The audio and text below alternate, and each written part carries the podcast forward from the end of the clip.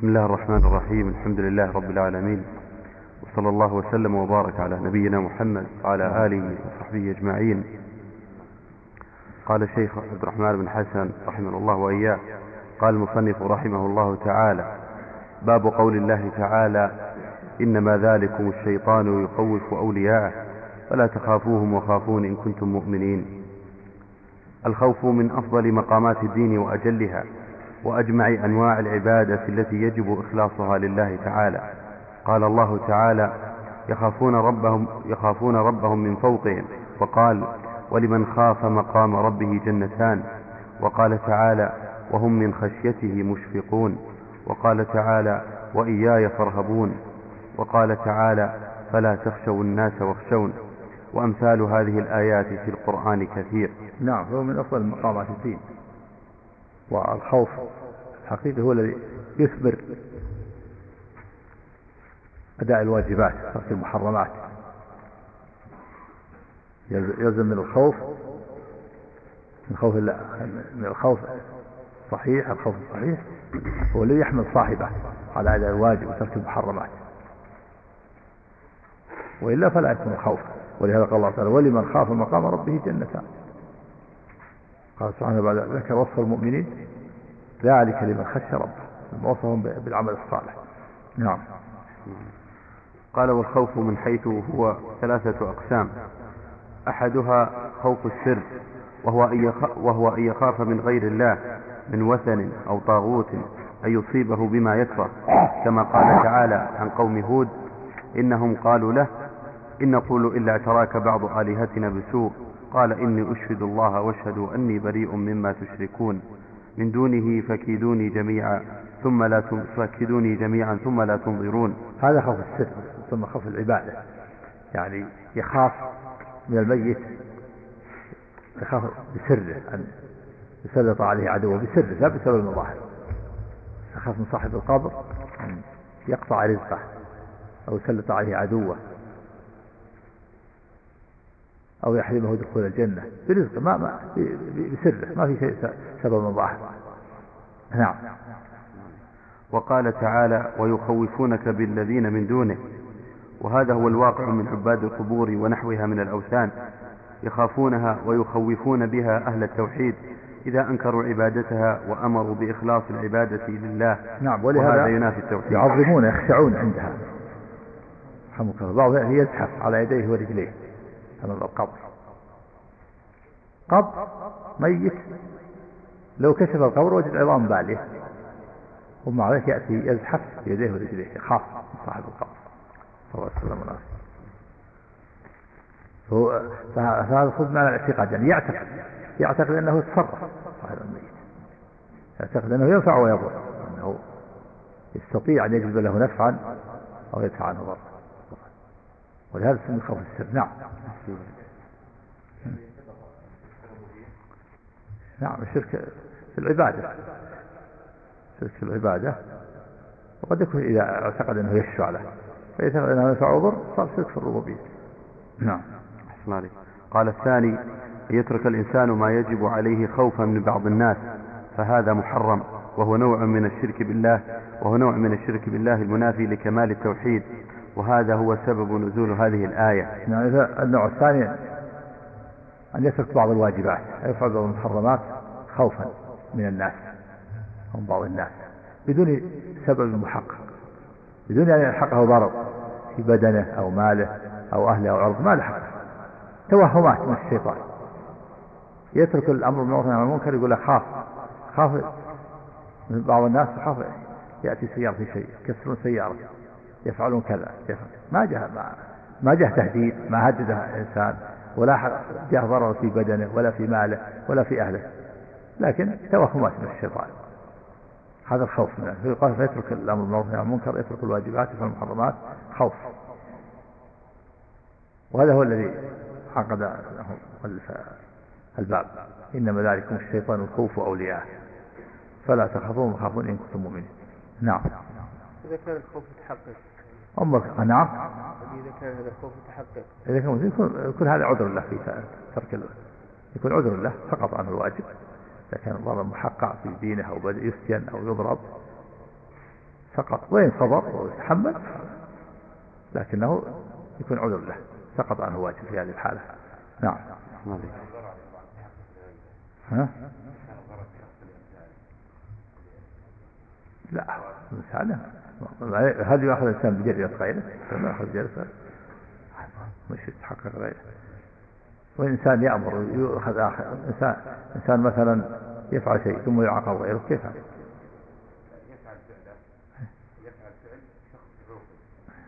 آه. إيه. يخشى هو يخشى أن يعاقب إذا فعل مثل فعله على حال ينفع ينفع إذا كان في ضرر محقق نعم أحسن عليك. وهذا هو سبب نزول هذه الآية. كما قال تعالى الذين قال لهم الناس إن الناس قد جمعوا لكم فاخشوهم فزادهم إيمانا وقالوا حسبنا الله ونعم الوكيل. انقلبوا بنعمة من الله وفضل لم يمسسهم سوء واتبعوا رضوان الله. والله ذو فضل عظيم. إنما ذلكم الشيطان يخوف أولياءه فلا تخافوهم وخافون إن كنتم مؤمنين. وفي الحديث إن الله تعالى يقول للعبد يوم القيامة ما منعك إذ رأيت المنكر ألا ألا تغيره. فيقول لا تغيره. وفي الحديث قالوا في الحديث إن الله تعالى يقول للعبد يوم القيامة ما منعك إذ رأيت المنكر ألا تغيره. فيقول ربي خشيت الناس. فيقول إياي كنت أحق أن تخشى. الثالث تخريج الحديث تكلم عليه. قال ابن مسلم أحمد وابن حبان بنحوه من حديث أبي سعيد وقال صحيح حكم عليه حامد فقيه صحيح. النسخة الثانية ها؟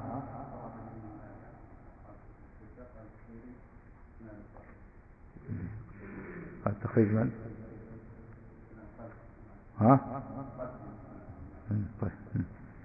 نعم عندك شيء؟ نعم. ها؟ إيش؟ لا هذا معصية. نعم.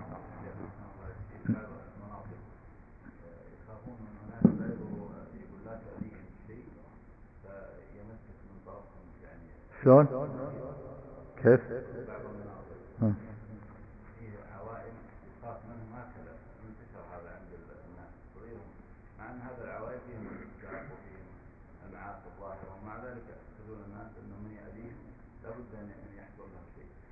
هذه من؟ هذه العوائل يسمون بالسادة ويسمون هذا وش السادة الصوفية ولا كيف؟ يأذيهم إيش؟ كيف يأذيهم؟ الأذى ما يجوز الأذى الأذى ما يجوز الذي يعتدي ما يجوز يعتدي على أحد لا على السادة ولا على غيرهم لا يعتدي ها؟ إذا كان يعتقد أنه في السر أنه يتصرف أنه ما عنده ما معهم أسباب ظاهرة ما معهم سلاح ولا معهم كذا ولا يبطشون بهم بأنفسهم هذا الأسباب الظاهرة ها؟ إيه. لا يحصل السحابة تحصل بالأوراد الشرعية الحمد لله نعم هذا محرم ونوع من الشرك هذا على القول بأن بأن المعاصي كلها نوع من الشرك نوع من الهوى. لكن الصواب أن الشرك هو ما وردت النصوص تسميته شركا من المعاصي مثل الحلف بغير الله. نعم. هو قال منافي لكمال التوحيد؟ إيه. نوع من الشرك؟ لا. بالله منافي لكمال التوحيد. إذا نوع من الشرك على القول بأن المعاصي كلها نوع من الشرك لأنها نوع من الهوى. هذا قول في بعض أهل كل المعاصي نوع من الشرك. لكن الصواب أن أن المعاصي نوعان.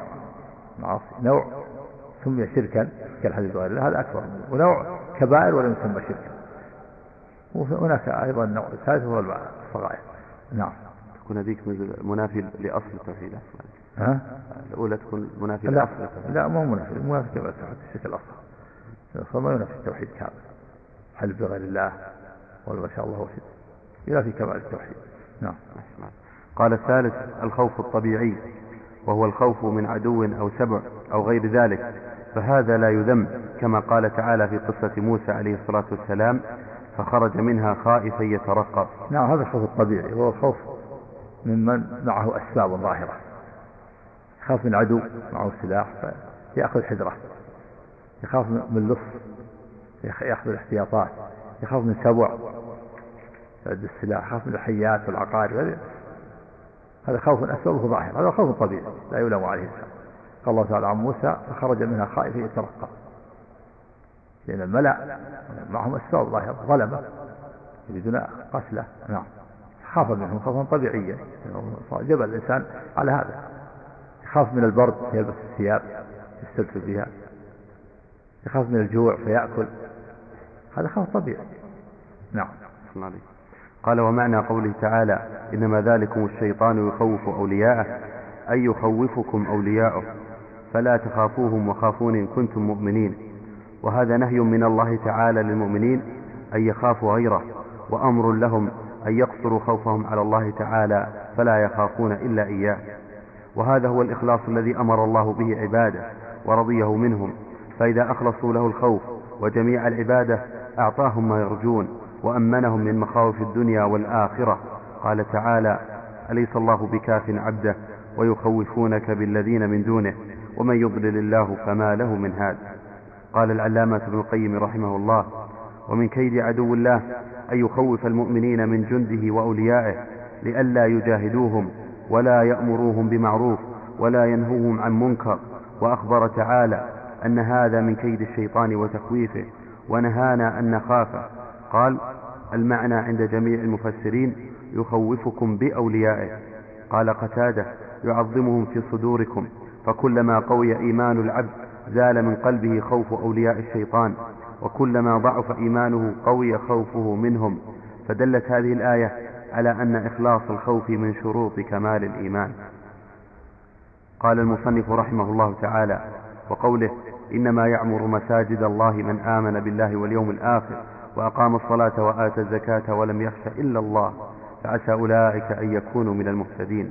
أخبر تعالى أن مساجد الله لا يعمرها إلا أهل الإيمان بالله واليوم الآخر الذين آمنوا بقلوبهم وعملوا بجوارحهم وأخلصوا له الخشية دون من سواه فأثبت لهم عمارة المساجد بعد أن نفاها عن المشركين لأن عمارة المساجد بالطاعة والعمل الصالح والمشرك وإن عمل فعمل وإن عمل فعمله كسراب بقيعة يحسبه الظمآن ماء حتى إذا جاءه لم يجده شيئا أو كرماد اشتدت به الريح في يوم عاصف. وما كان كذلك فالعدم خير منه. فلا تكون المساجد عامرة إلا بالإيمان الذي معظمه التوحيد مع العمل الصالح الخالص من شوائب الشرك والبدع. نعم هذا العمارة الحقيقية العمارة المعنوية.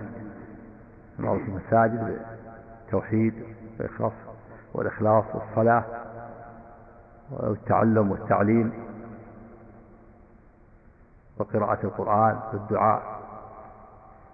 هناك نوع آخر من العمارة هي العمارة الحسية وهي بناؤها وفرشها وكنسها وتنظيفها. لكن هذه قد قد يعمرها حتى غير, البر. قد يعمر المساجد مساجد العمارة الحسية ويكون الفاجر. لكن العمارة المعنوية هذه خاصة بالمؤمنين الخلص إنما يعمر مساجد الله من آمن بالله واليوم الآخر وأقام الصلاة وآتى الزكاة ولا يخشى إلا الله.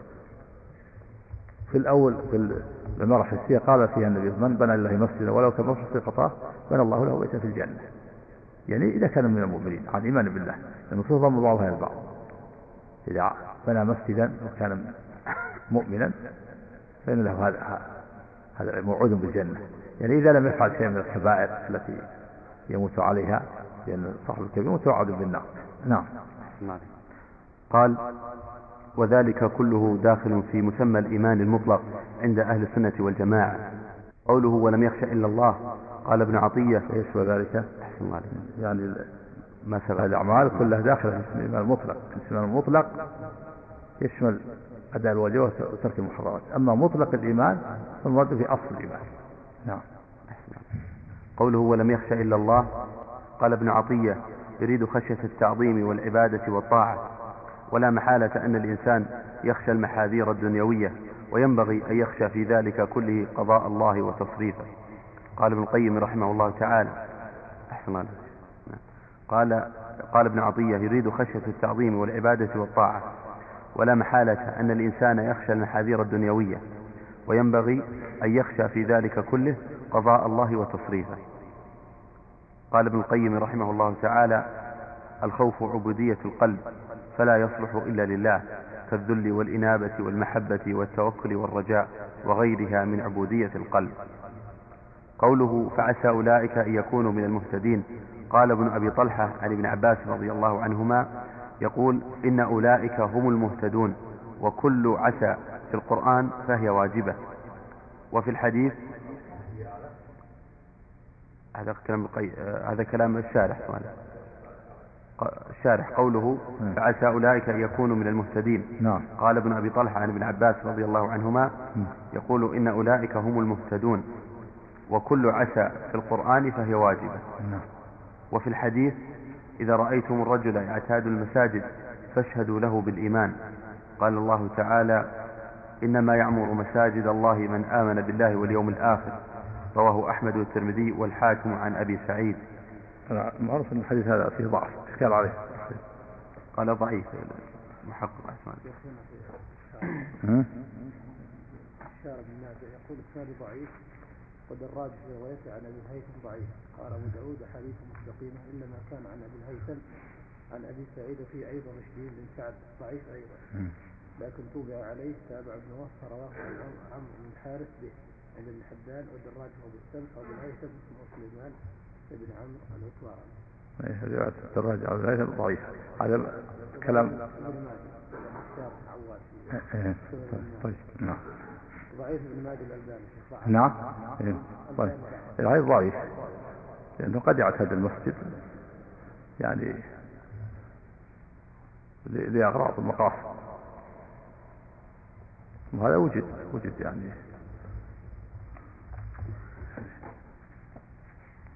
وجود هذا في في بعض ال- الكفرة الذين دخلوا في الإسلام. صاروا يعتدون المسجد. وجد يخططون وصلوا من قبل الاستعمار. وصاروا يصلون بالناس بعضهم صاروا يصلون بالناس بعضهم جالس 11 سنة. وكان يخطط ويتصل بالكفرة حتى تم حتى تم الاستيلاء وله ثم بعد ذلك صار يعرض الناس عليه الإمام الذي كان يأمهم كان يأمهم. نفاق. نعم شيخ أنا بدأ عليه انما تكون تعرض في الله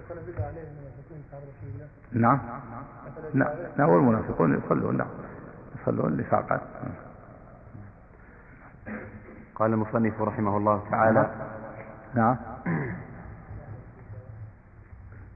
أصل الإيمان مطلق الإيمان أصل الإيمان. الناس ليس ليس سواء في الإيمان.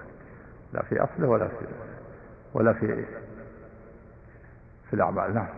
نعم. قال المصنف رحمه الله تعالى وقوله ومن الناس من يقول آمنا بالله فإذا أوذي في الله جعل فتنة الناس كعذاب الله. قال ابن كثير يقول تعالى مخبرا عن صفات قوم من المكذبين الذين يدعون الإيمان بألسنتهم ولم يثبت في قلوبهم. إنهم إذا جاءتهم محنة وفتنة في الدنيا. قال ابن كثير. أحسن الله. عليك.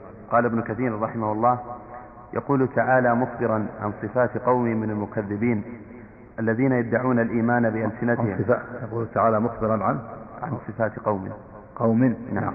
نعم.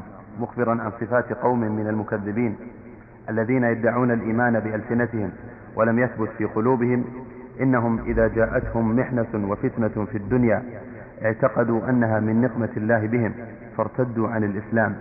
قال ابن عباس رضي الله عنهما يعني فتنته أن يرتد عن دينه إذا أوذي في الله. وقال ابن القيم رحمه الله ولهذا قال بعدها ولئن جاء نصر من ربك لا يقولون إنا كنا معكم. أوليس الله بعلم بما في صدور العالمين. نعم. وقال ابن القيم رحمه الله هذه الآية مثل قوله تعالى ومن نفس من يعبد الله على حرف. يعني لو طرف. فإن أصابه خير اطمأن به وإن أصابته فتنة انقلب على وجهه يعني ارتد عن دينه. خسر الدنيا والآخرة ذلك هو الخسر المبين نعوذ بالله. نعم. وقال ابن القيم رحمه الله الناس إذا أرسل الناس إذا أرسل إليهم الرسل بين أمرين. إما أن يقول أحدهم آمنا وإما أن لا يقول ذلك بل يستمر على السيئات والكفر. فمن قال آمنا امتحنه ربه وابتلاه وفتنه. والفتنة الابتلاء والاختبار ليتبين الصادق من الكاذب.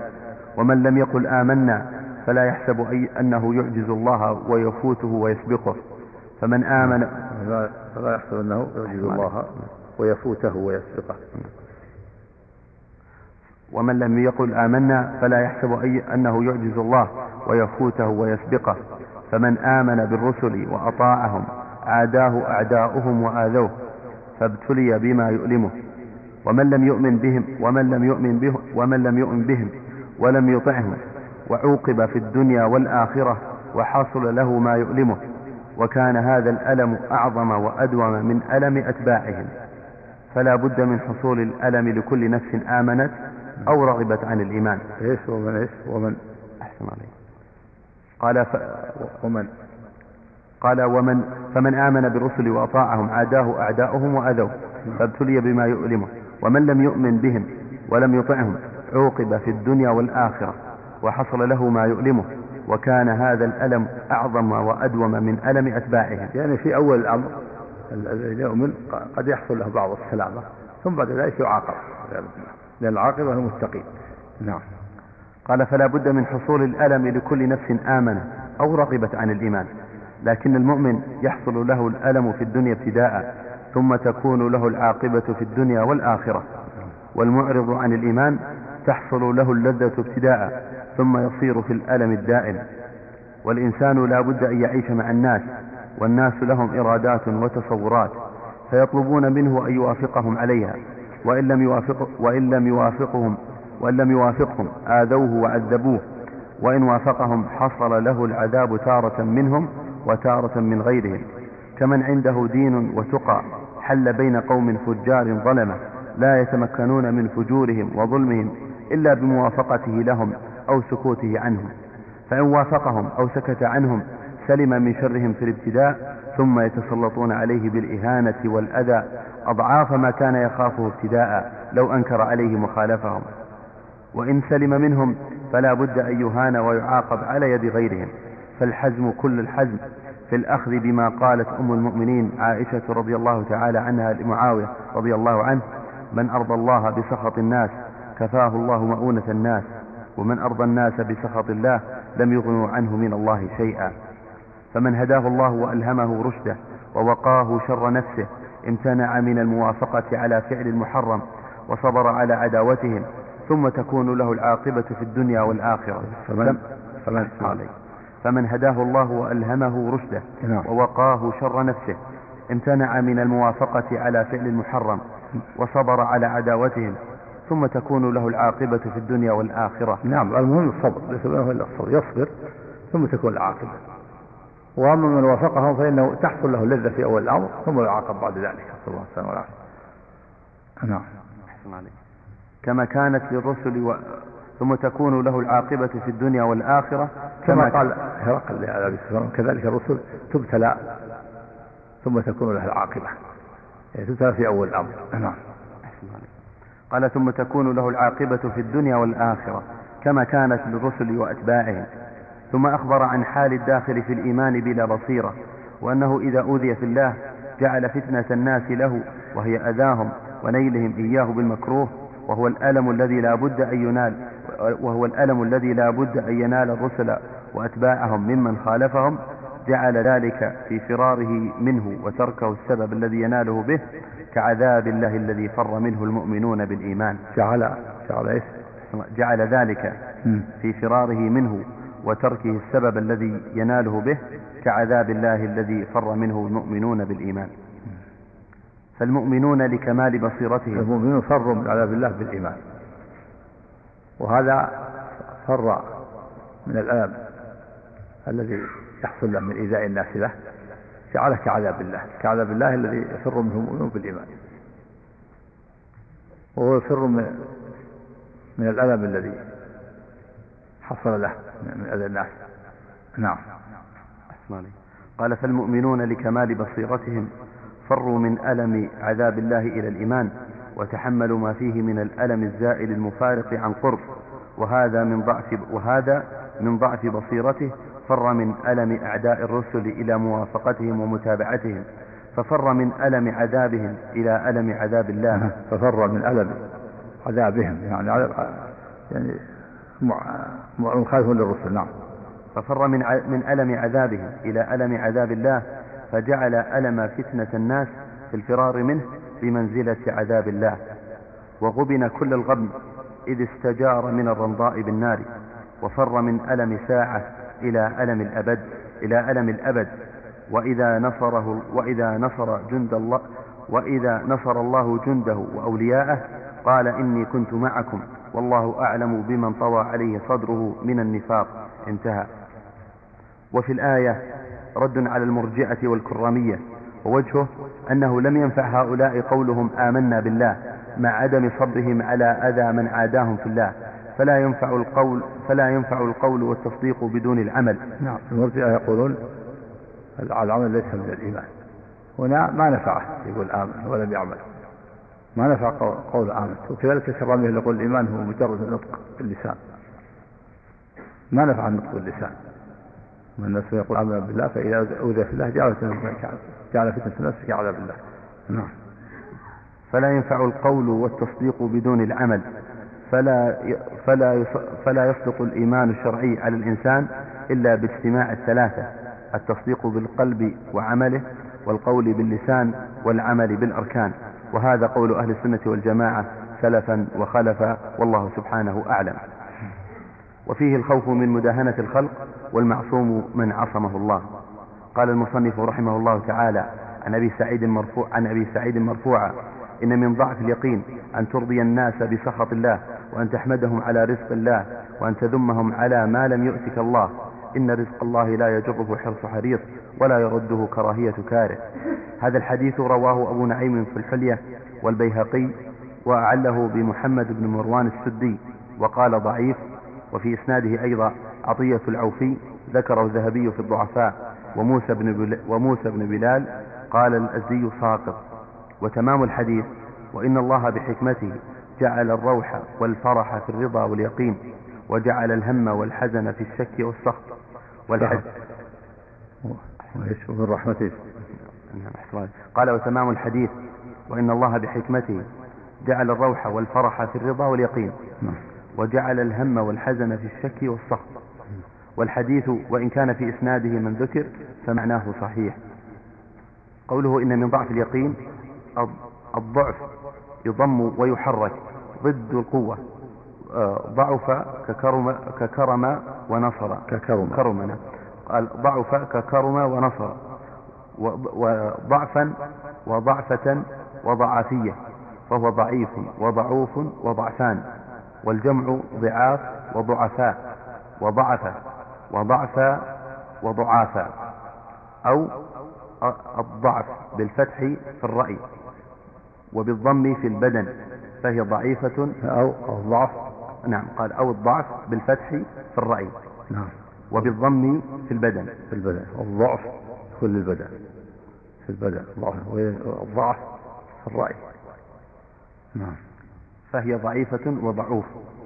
واليقين المراد به الإيمان كله.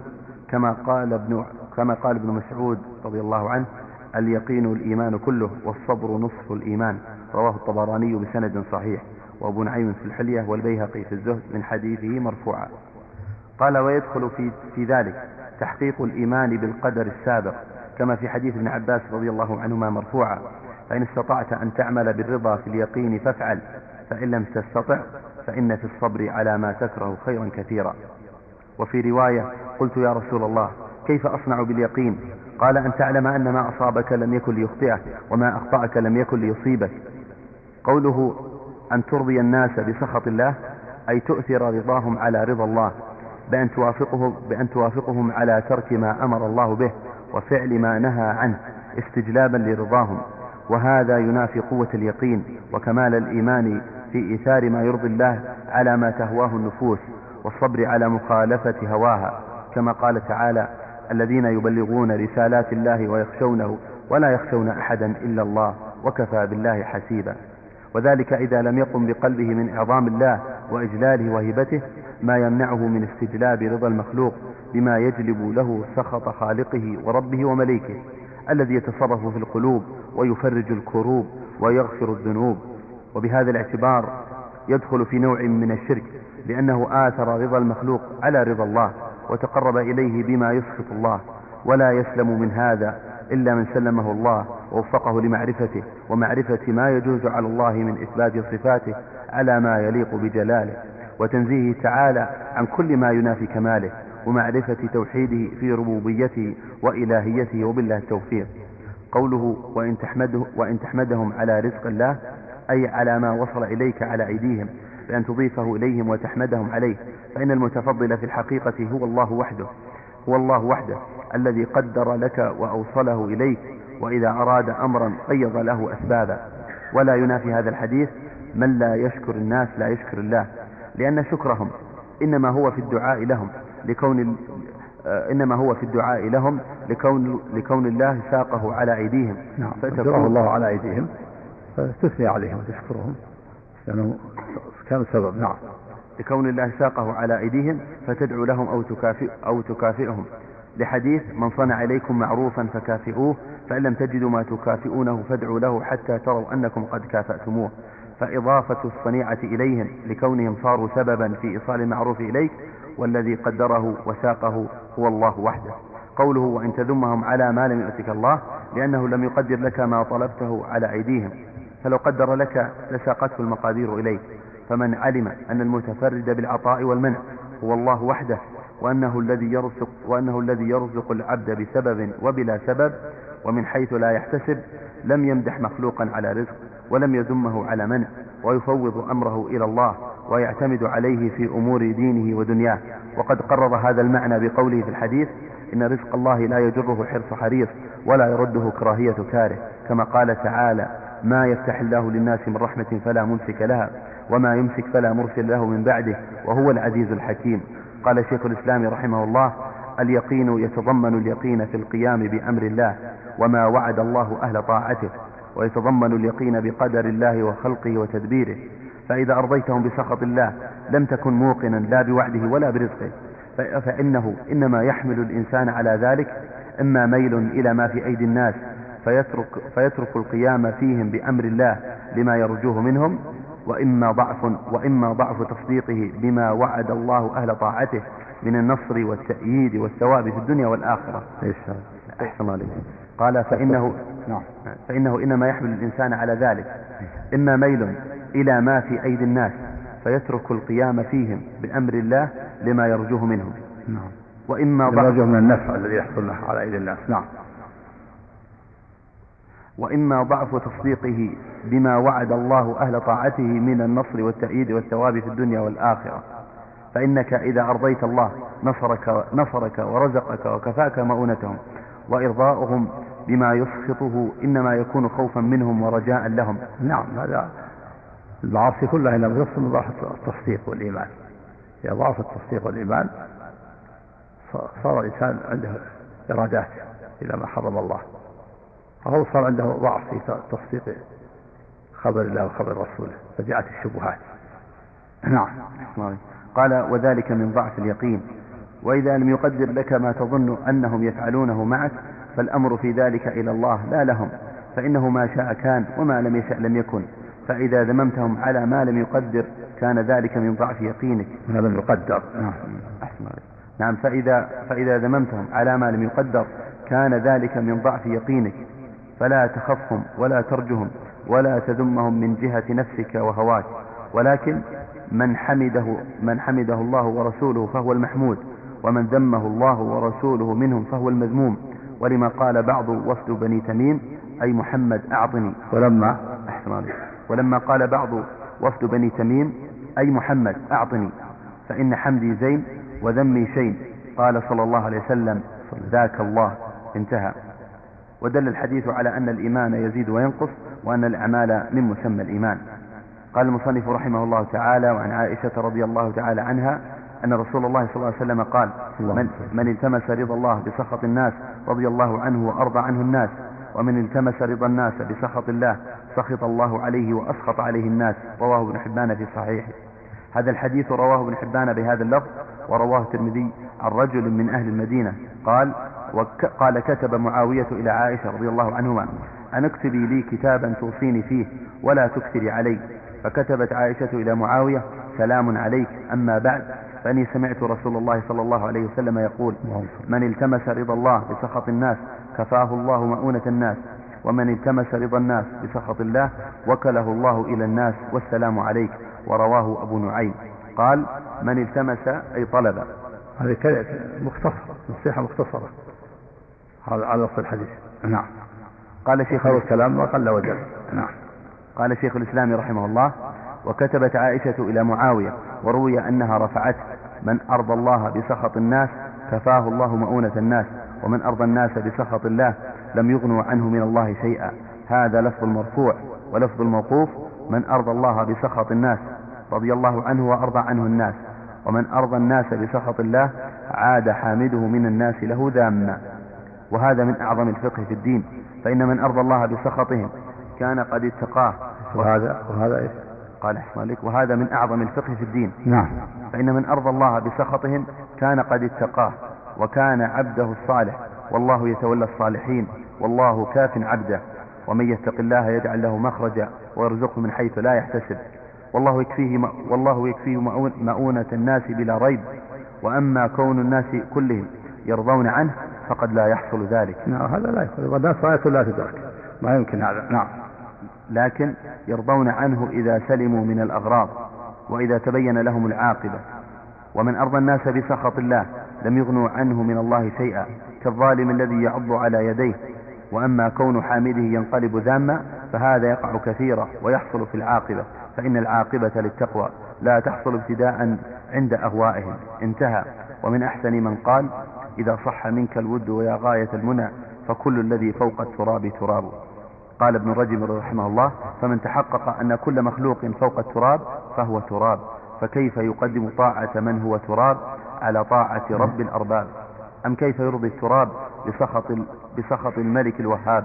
إن هذا لشيء عجاب. وفي الحديث عقوبة من خاف الناس وآثر رضاهم على الله وأن العقوبة قد تكون في الدين عياذا بالله من ذلك. كما قال تعالى فأعقبهم نفاقا في قلوبهم إلى يوم يلقونه بما أخلفوا الله ما وعدوه وبما كانوا يكذبون. قال المصنف رحمه الله فيه مسائل. الأولى تفسير آية آل عمران. نعم. إنما ذلك الشيطان الخوف نعم. الثانية تفسير آية براءة. إنما أعظم مساجد الله نعم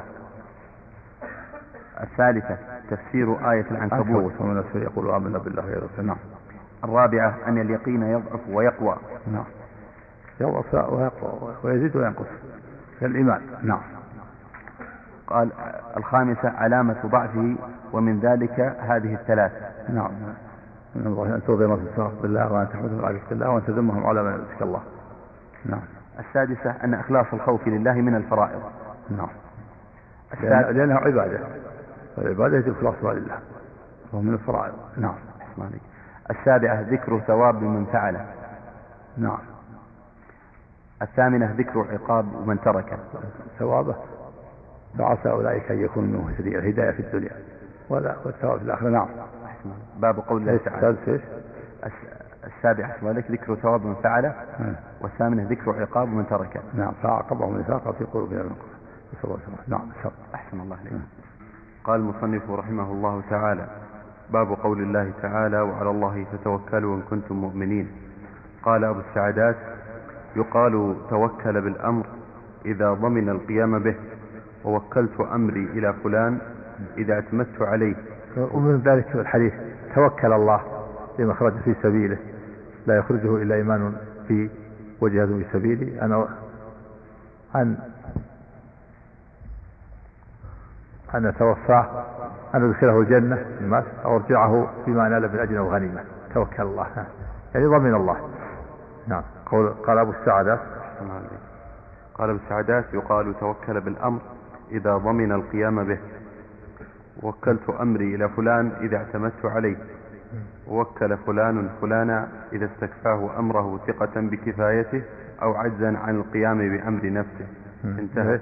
قال أبو السعدات قال أبو السعدات يقال توكل بالأمر إذا ضمن القيام به. وهو بالأثير الجزري. في, في, في تفسير غريب الحديث. كتاب في تفسير غريب الحديث. بالأسير الجزري. هو أبو السعادة كنيته نعم. قال ووكلت أمري إلى فلان إذا اعتمدت عليه. إذا اسكت عليه كلمة غريبة في الحديث ترجع إلى الكتاب تجد تفسيرها. نعم. نعم. قال وكلت أمري إلى فلان إذا اعتمدت عليه. وكلت أمري. وكلت أمري. نعم. التشديد عندك التشديد؟ أي نعم. كلام عليها؟ ضبطه لا الشكل محتمل قال نعم. ووكل فلان فلانا إذا استكفاه أمره ثقة بكفايته إيه. أو عجزا عن القيام بأمر نفسه. إذا استكفاه؟ قال إذا استكفاه أمره ثقة بكفايته أو عجزا عن القيام بأمر نفسه. انتهى. نعم. وأراد المصنف بهذه الترجمة بالآية بيان أن التوكل بيان أن التوكل فريضة يجب إخلاصه لله تعالى. فإن تقديم المعمول يفيد الحصر. أي وعلى الله فتوكلوا لا على غيره. نعم فهو فريضة عظيمة من فرائض الإسلام يجب إخلاصها لله. ولا عمل إلا بالإخلاص. الفرائض يجب إخلاصها لله. التوكل والرغبة والرهبة والصلاة والصيام كل هذه الأعمال والفرائض يجب إخلاصها لله. يجب أن يكون توكله لله. نعم لا لمقصد الآخر نعم. قال فهو من أجمع أنواع العبادة وأعظمها لما ينشأ عنه من الأعمال الصالحة. فإنه إذا اعتمد على الله في جميع أموره الدينية والدنيوية دون كل من سواه صح إخلاصه ومعاملته مع الله تعالى. نعم. فإنه فإنه. قال فإنه إذا اعتمد على الله في جميع أموره الدينية والدنيوية نعم. دون كل من سواه صح إخلاصه ومعاملته مع الله تعالى. فهو من أعظم منازل إياك نعبد وإياك نستعين. فلا يحصل كمال التوحيد بأنواعه الثلاثة إلا بكمال التوكل على الله كما في هذه الآية. فلا يحصل قال فلا يحصل كمال التوحيد بأنواعه الثلاثة يعني توحيد الربوبية وتوحيد الإلهية وتوحيد الأسماء والصفات. نعم. إلا بكمال التوكل على الله كما في هذه الآية. وكما قال تعالى إن كنتم آمنتم بالله فعليه توكلوا إن كنتم مسلمين. نعم يتوكل على الله في تدبير أموره وشؤونه ويتوكل على الله في في, عبادته وإخلاصه لله عز وجل. نعم يفضل أمره فيه ويعبده بمصر أسمائه وصفاته. نعم. قال وقوله رب المشرق والمغرب لا إله إلا هو فاتخذه وكيلا. والآيات في الأمر به كثيرة جدا. قال الإمام أحمد رحمه الله التوكل عمل القلب.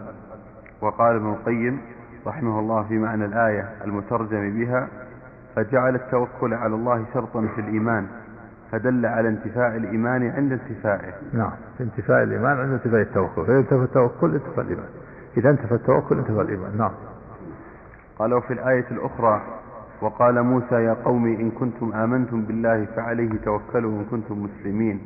فجعل دليل صحة الإسلام التوكل وكلما قوي إيمان العبد كان توكله أقوى وإذا ضعف الإيمان ضعف التوكل وإذا كان التوكل ضعيفا كان دليلا على ضعف الإيمان ولا بد. والله تبارك وتعالى يجمع بين التوكل والعبادة وبين التوكل والإيمان وبين التوكل والتقوى وبين التوكل والإسلام وبين التوكل والهداية.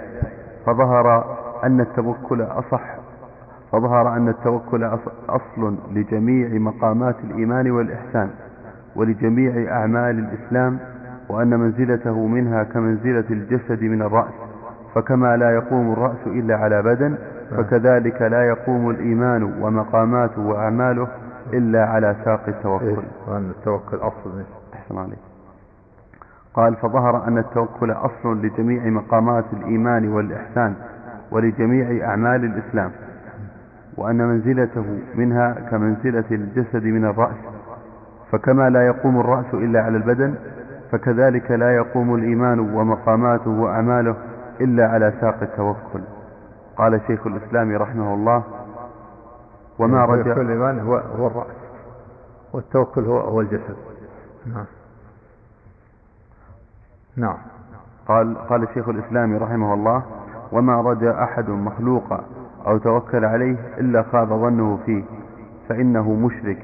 ومن يشرك بالله فكأنما خر من السماء فتخطفه الطير أو تهوي به الريح في مكان سحيق.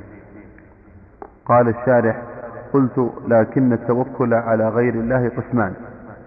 أحدهما التوكل في الأمور التي لا يقدر عليها إلا الله كالذين يتوكلون على الأموات والطواغيت في رجاء مطالبهم من نصر أو حفظ أو رزق أو شفاعة فهذا شرك أكبر.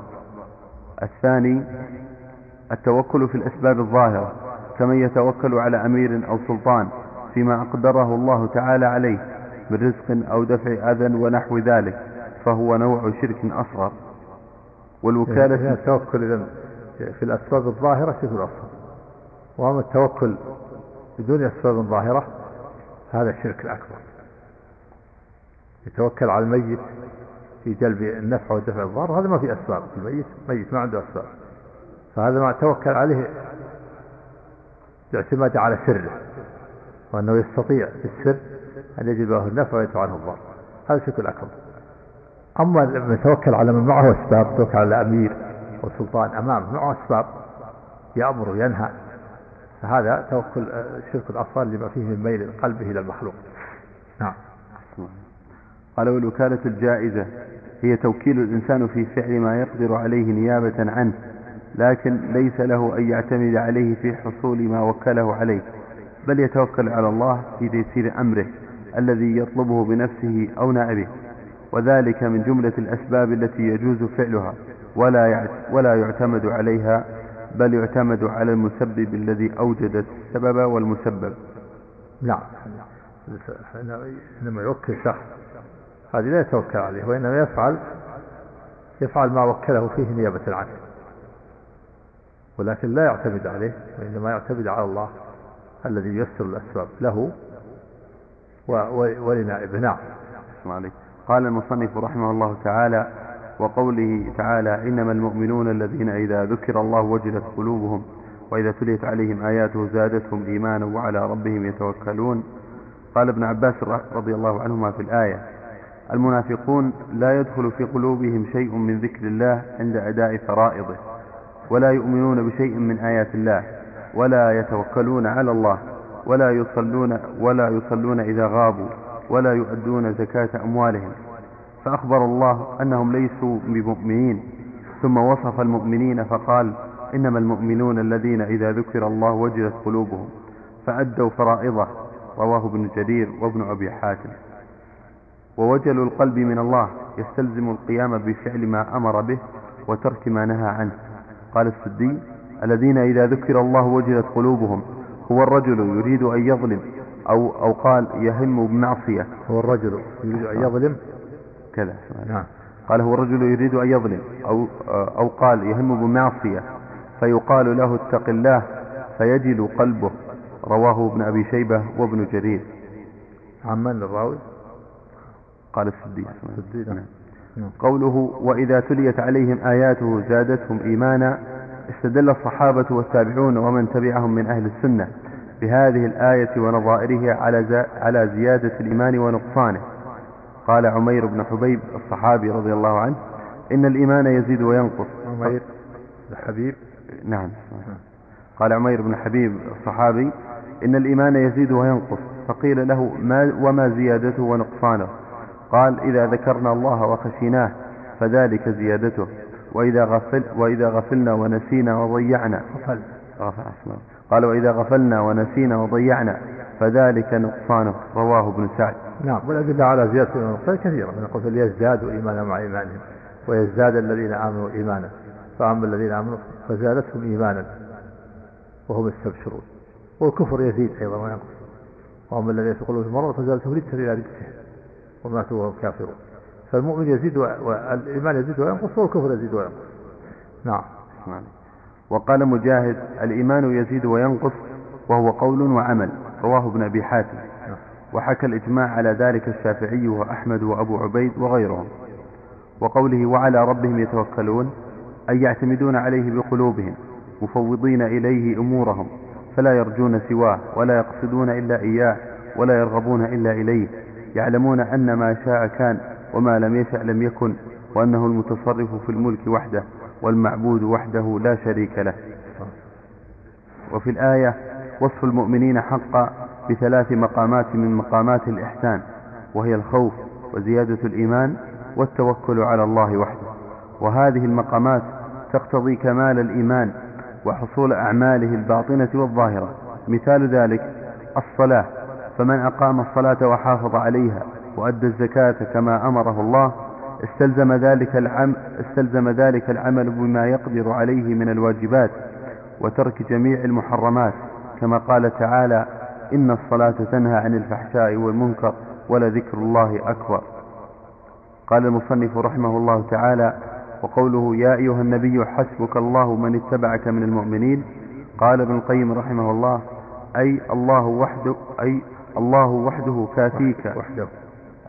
قال أي الله وحده. وحده كافيك نعم. قال أي الله وحده كافيك وكافي أتباعك.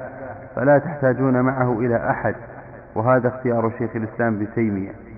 وقيل المعنى حسبك الله وحسبك المؤمنون. قال ابن القيم وهذا خطأ محض لا يجوز حمل الآية عليه. نعم يصير عطف من اتبعك على لفظ الجلالة هذا خطأ. فهو انه معطوف على الكاف. بمعنى حسبك الله ومن اتبعك من الله.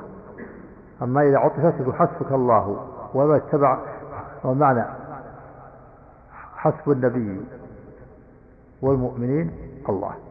هذا ليس بصحيح. حسب النبي. يا, يا, يا, يا أيها النبي يكفيك الله والمؤمنون هذا ما يصلح عطف المؤمن على لفظ الجلالة نعم. قال القيم وهذا خطأ محض لا يجوز حمل الآية عليه فإن الحسب والكفاية لله وحده كالتوكل والتقوى والعبادة. قال تعالى وأن يريدوا أن يخدعوك فإن حسبك الله هو الذي أيدك بنصره وبالمؤمنين. ففرق بين الحسب والتأييد فجعل الحسب له وحده وجعل التأييد وجعل التأييد له بنصره وبعباده. وأثنى على أهل التوحيد من عباده حيث أفردوه بالحسب. فقال تعالى الذين قال لهم الناس إن الناس قد جمعوا لكم فاخشوهم فزادهم إيمانا وقالوا حسبنا الله ونعم الوكيل. ولم يقولوا حسبنا الله ورسوله. ونظير هذا قوله سبحانه وقالوا حسبنا الله سيؤتينا الله من فضله ورسوله إنا إلى الله راغبون. فتأمل كيف جعل الإساءة لله والرسول وجعل الحسب له وحده. فلم يقل حسبنا الله ورسوله بل جعله خالص حقه كما قال إنا إلى الله راغبون. فجعل الرغبة إليه وحده كما قال وإلى ربك فارغب. فالرغبة والتوكل والإنابة والحسب لله وحده. كما أن العبادة والتقوى والسجود والنذر والحلف لا يكون إلا له سبحانه وتعالى. انتهى. فالحسب له قال حسبنا الله ولم يقل حسبنا الله ورسوله. إنا إلى الله راغبون ولم يقل إنا إلى الله وإلى رسوله. أما الإيتاء فإنه يكون لله وللرسول إذا قال سيؤتينا الله بفضله ورسوله. نعم. والطاعة تكون لله وللرسول. اطيعوا الله واطيعوا الرسول. نعم. قال وبهذا يتبين مطابقة الآية للترجمة. فإذا كان هو الكافي لعبده وجب ألا يتوكل إلا عليه ومتى التفت بقلبه إلى سواه وكل إلى من التفت إليه كما في الحديث من تعلق شيئا وكل إليه. قال المصنف رحمه الله تعالى وقوله ومن يتوكل على الله فهو حسبه. قال ابن القيم أي كافيه ومن كان الله كافيه وواقيه فلا مطمع فيه لعدو ولا يضره إلا أذى لا بد منه كالحر والبرد والجوع والعطش. وأما أن يضره بما يبلغ به مراده فلا يكون أبدا. نعم وهذه أمور طبيعية. الحر والبرد والجوع والعطش نعم.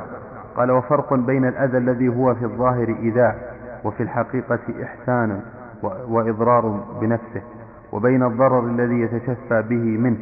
قال بعض السلف جعل الله لكل جزاء قال بعض السلف جعل الله لكل عمل جزاء من نفسه. إيش الفرق بين إيش؟